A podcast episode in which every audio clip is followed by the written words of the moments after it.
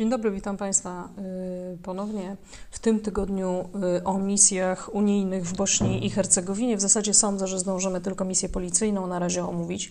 Y, tych misji, programów, planów było trochę. Unia Europejska różne rzeczy robiła w Bośni i Hercegowinie. A trzeba zacząć od misji policyjnej, dlatego że to jest pierwsza, którą Unia Europejska w ogóle uruchomiła w ramach swojej polityki bezpieczeństwa i obrony. E, I chciałabym, żebyśmy zobaczyli mniej więcej w, w, jakich okolicznościach te misje w ogóle były rozlokowane. A więc przechodząc do pierwszego slajdu, do mapy Bośni i Hercegowiny, kilka słów na temat e, Bośni. Na temat Bośni można mówić bardzo długo, nie tylko kilka słów, ale prawdopodobnie kilka tygodni non-stop. Pierwsza rzecz, która e, pewnie rzuca się Państwu w oczy, jak rzucicie okiem na mapę, to to, że w ramach granic Bośni i Hercegowiny mamy dwa kolory.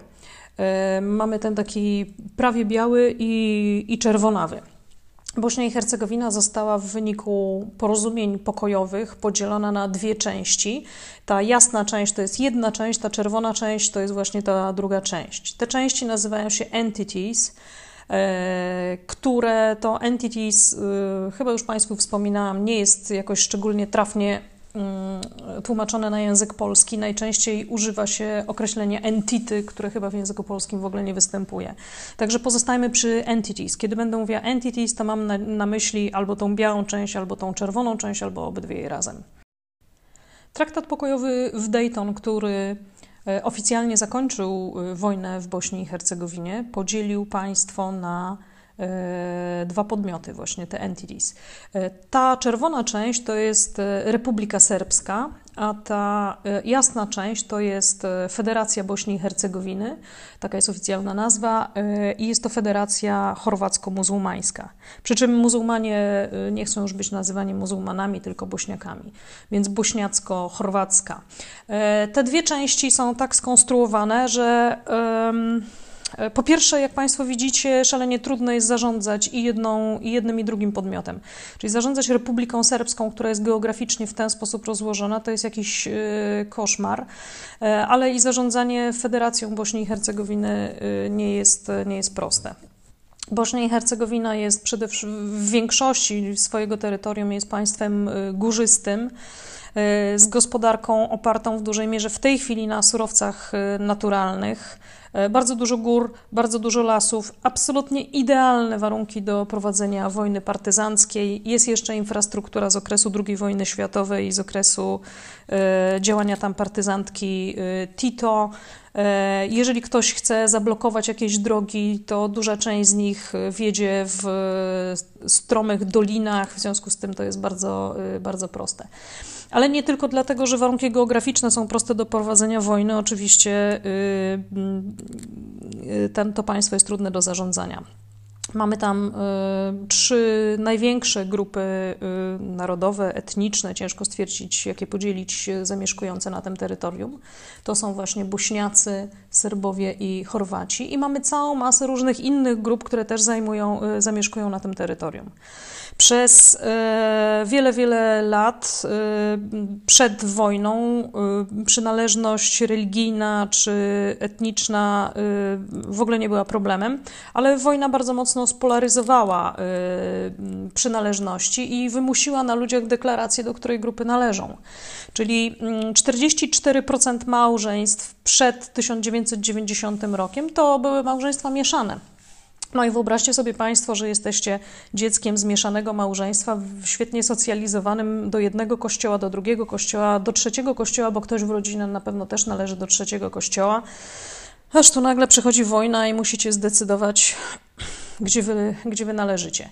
Więc yy, wyobrażacie sobie na pewno Państwo, że yy, tego rodzaju E, konieczność deklaracji, ale też i działania wojenne, przemoc e, taka strukturalna, skonstruowana, żeby była e, jak najsilniejsza, zupełnie rozbija społeczeństwa i zupełnie rozbija społeczności wewnątrz tych społeczeństw. W związku z tym, pod względem społecznym jest to absolutnie masakra, czyli odbudować jedność w państwie, które było wielonarodowe, radziło sobie z tą wielokulturowością czy wieloreligijnością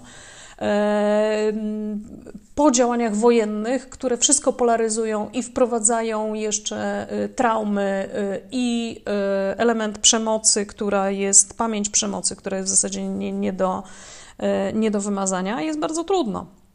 Jakby tego było mało, to jeszcze traktaty pokojowe z Dayton podzieliły państwo właśnie według ostatniej linii frontu. Czyli tak, jak teraz Państwo widzicie, ta granica pomiędzy Federacją Bośni i Hercegowina Republiką Serbską, e, która to granica jest nazywana Inter-Entity Boundary Line, czyli IEBL, e, dzieli e, grupy w historyczny sposób, czyli jakby usztywnia dokonania wojny, sankcjonuje dokonania wojny, ponieważ tak właśnie wyglądał podział terytorium w momencie, kiedy Stany Zjednoczone postanowiły, że to jest właśnie koniec wojny i że one w tej chwili zaczynają y, zmuszać strony do tego, żeby odstąpiły od linii frontu.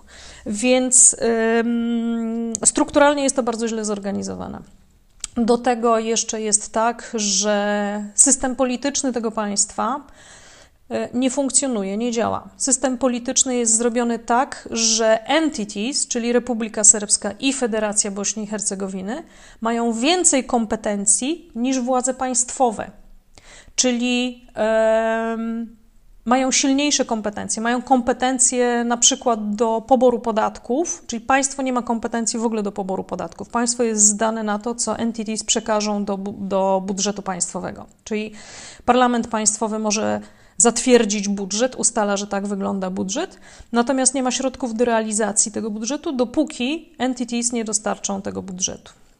Entities mają zapewnić bezpieczeństwo wewnętrzne i w zasadzie bezpieczeństwo na granicach też.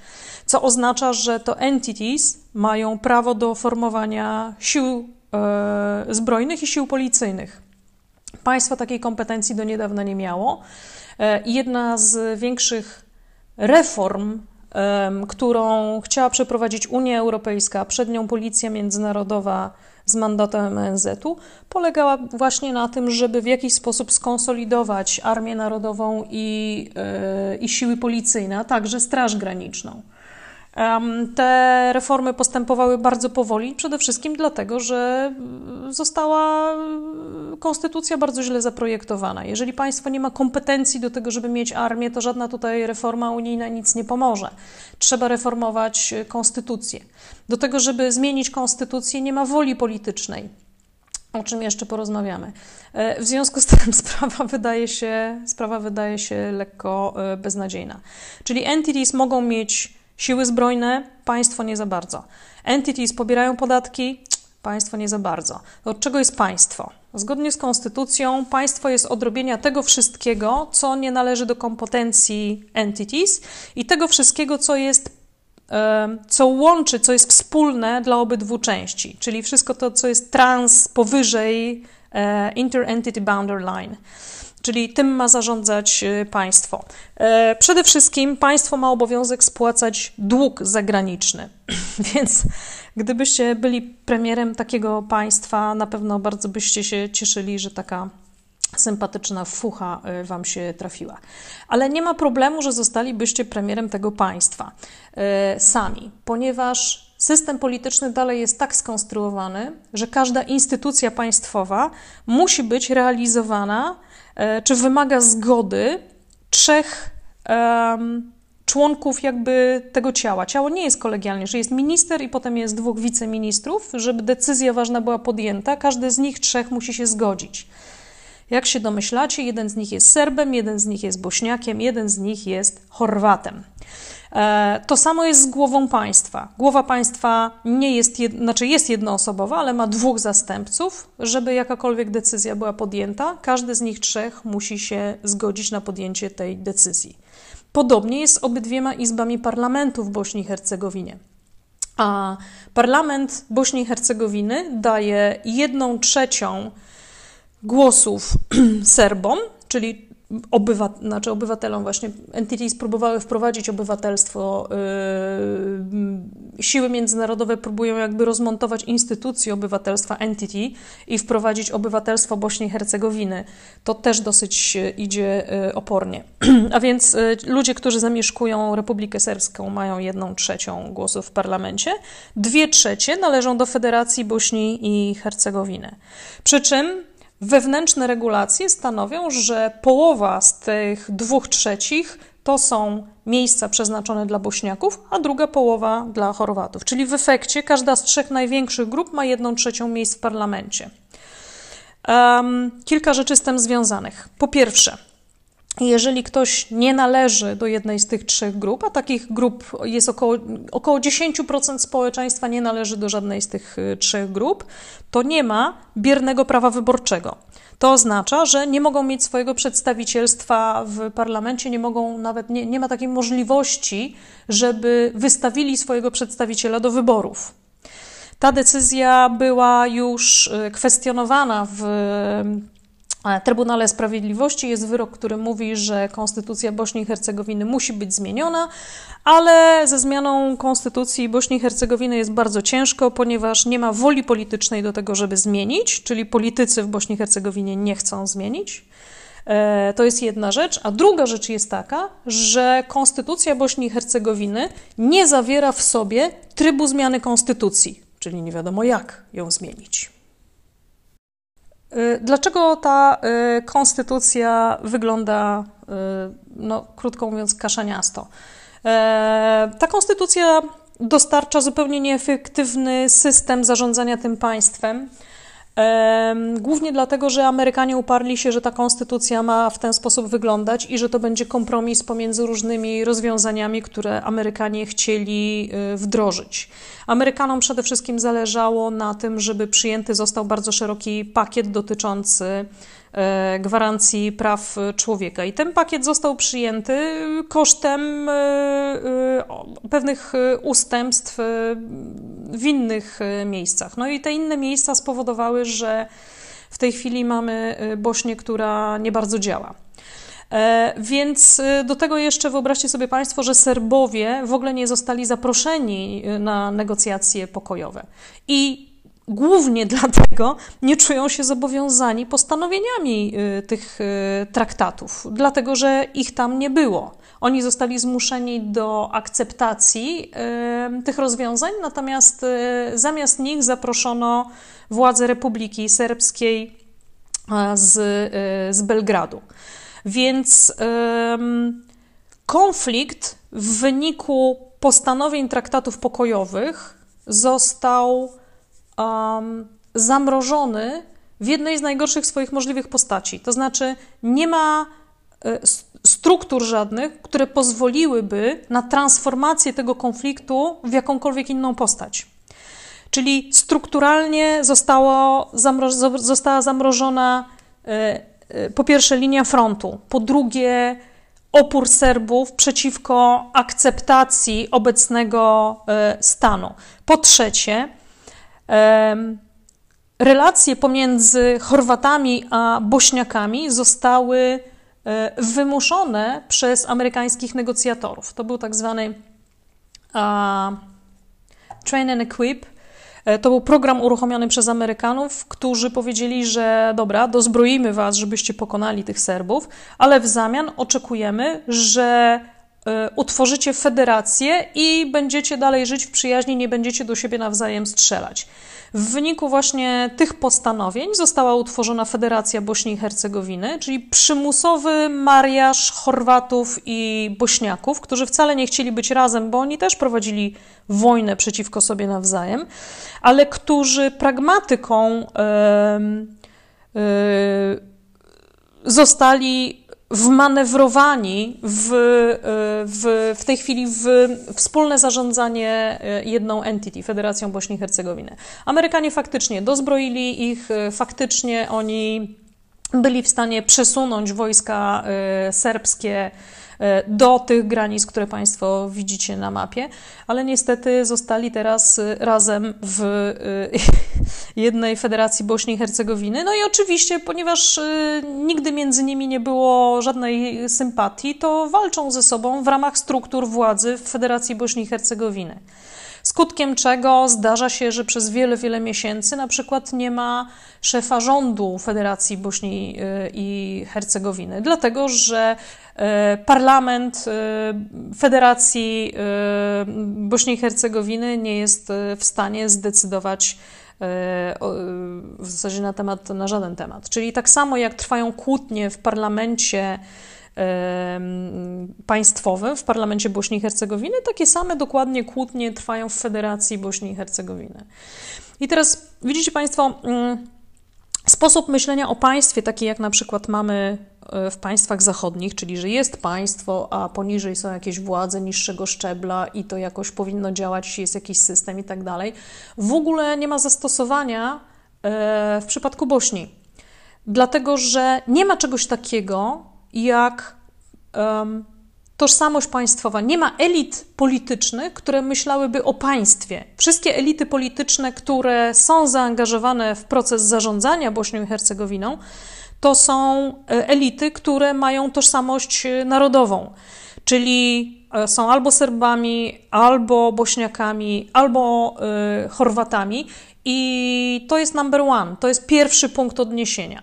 System wyborczy jest tak skonstruowany, że nie ma szansy przełamać tej logiki. Czyli ludzie z różnych względów, przede wszystkim e, takiego, że się boją, w związku z tym sam, we własnej obronie głosują na ludzi, którzy są silni i mają wpływy.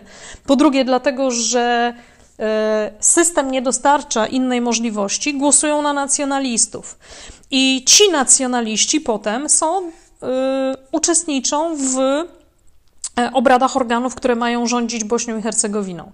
W związku z tym oni przede wszystkim patrzą, w jaki sposób nie stracić y, i w jaki sposób nasza grupa powinna zyskać. Natomiast ich motorem napędowym do działania jest nie tylko własny zysk, ale i pewien radykalizm polityczny powiązany z nacjonalizmem, dlatego że to jest ta logika, która ich wypromowała jako polityków. Na to ludzie głosują. Więc e, na wielu poziomach, na poziomie systemu wyborczego, na poziomie systemu politycznego, e, ten konflikt jest wciąż żywy. Czyli od momentu podpisania traktatów pokojowych pod koniec lat 90. poprzedniego stulecia do dnia dzisiejszego niewiele się zmieniło, trochę się zmieniło, ale to jest powiedzmy, to idzie sinusoidalnie, jest trochę lepiej, trochę gorzej, trochę lepiej, trochę gorzej. E, I e, czyli sytuacja wyjściowa do tego, żeby rozlokowywać jakąkolwiek misję Bośni, w Bośni i Hercegowinie, misję unijną, jest ciężka. E, mamy państwo, którego system polityczny nie działa, gdzie jest niezgoda pomiędzy ludźmi, którzy tam żyją, gdzie siły policyjne i wojskowe używane są jako bojówki nacjonalistyczne i jest to dosyć legalne, gdzie IEBL, czyli ta granica pomiędzy entities, jest silniejszą granicą, silniejszą barierą niż granice zewnętrzne. E, co oznacza, że ludzie, e, narkotyki, broń, E, cokolwiek przez granice zewnętrzne przenika do Bośni i Hercegowiny w bardzo łatwy sposób.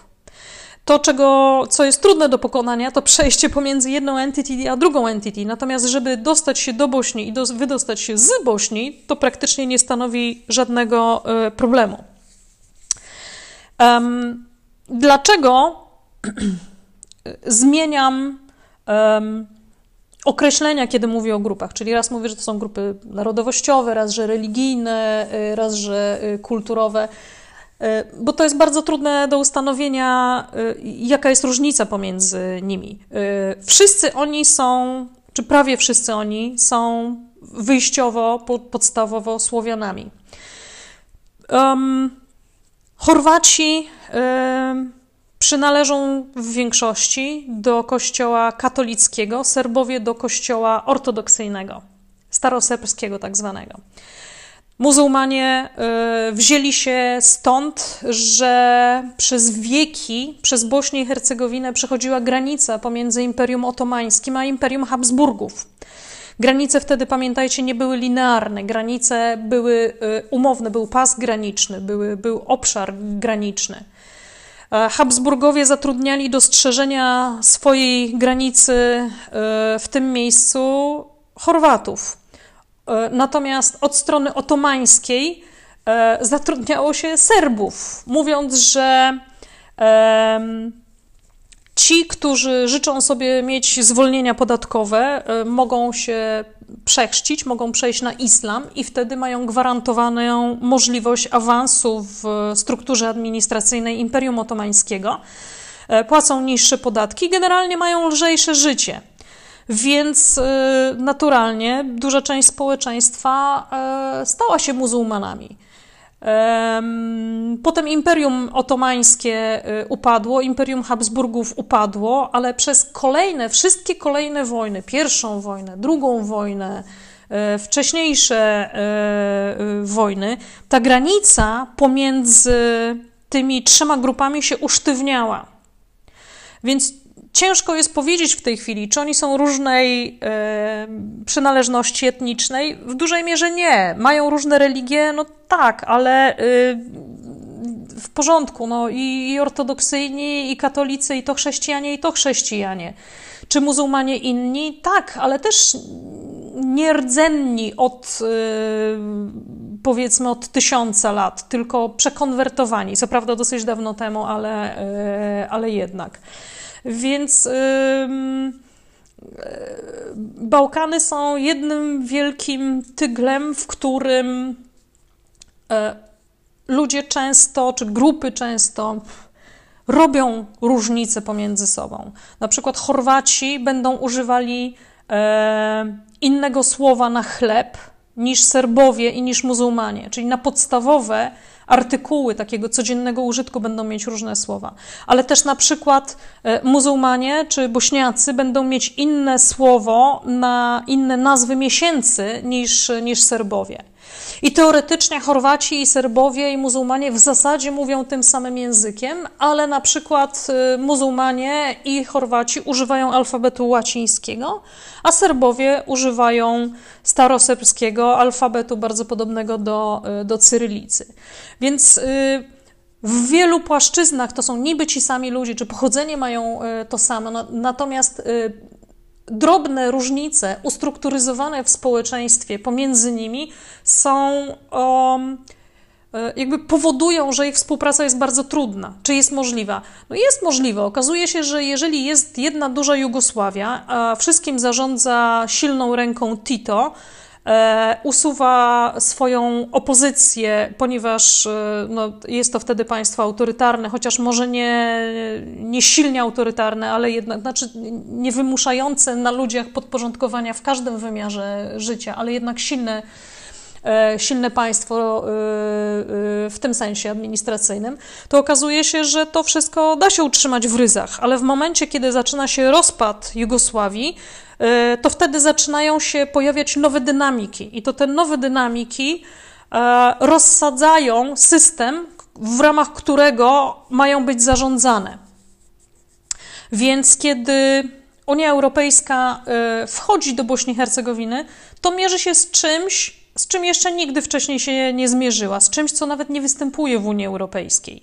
Ale też Unia Europejska nie wchodzi do Bośni i Hercegowiny wtedy, kiedy toczą się walki i kiedy trzeba zatrzymać te walki. Unia Europejska próbowała negocjować e, we wczesnych latach 90. w tą stronę, żeby nie było wojny w Bośni i Hercegowinie i to im zupełnie nie wyszło. Ich akcje były zupełnie nieadekwatne do rzeczywistości. Są zresztą świetne książki na ten temat y, y,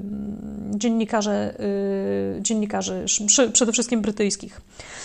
Więc y, Unii Europejskiej negocjacje, żeby Bośnia i Hercegowina się nie oddzieliła od Jugosławii, zupełnie nie wyszły. Amerykanie zatrzymali ten konflikt. ONZ rozpoczęło tam misję i wojskową, i administracyjną, i policyjną, i potem Unia Europejska przejmuje tą misję policyjną jako pierwszą swoją misję zewnętrzną w momencie, kiedy tam już w zasadzie nikt do nikogo nie strzela.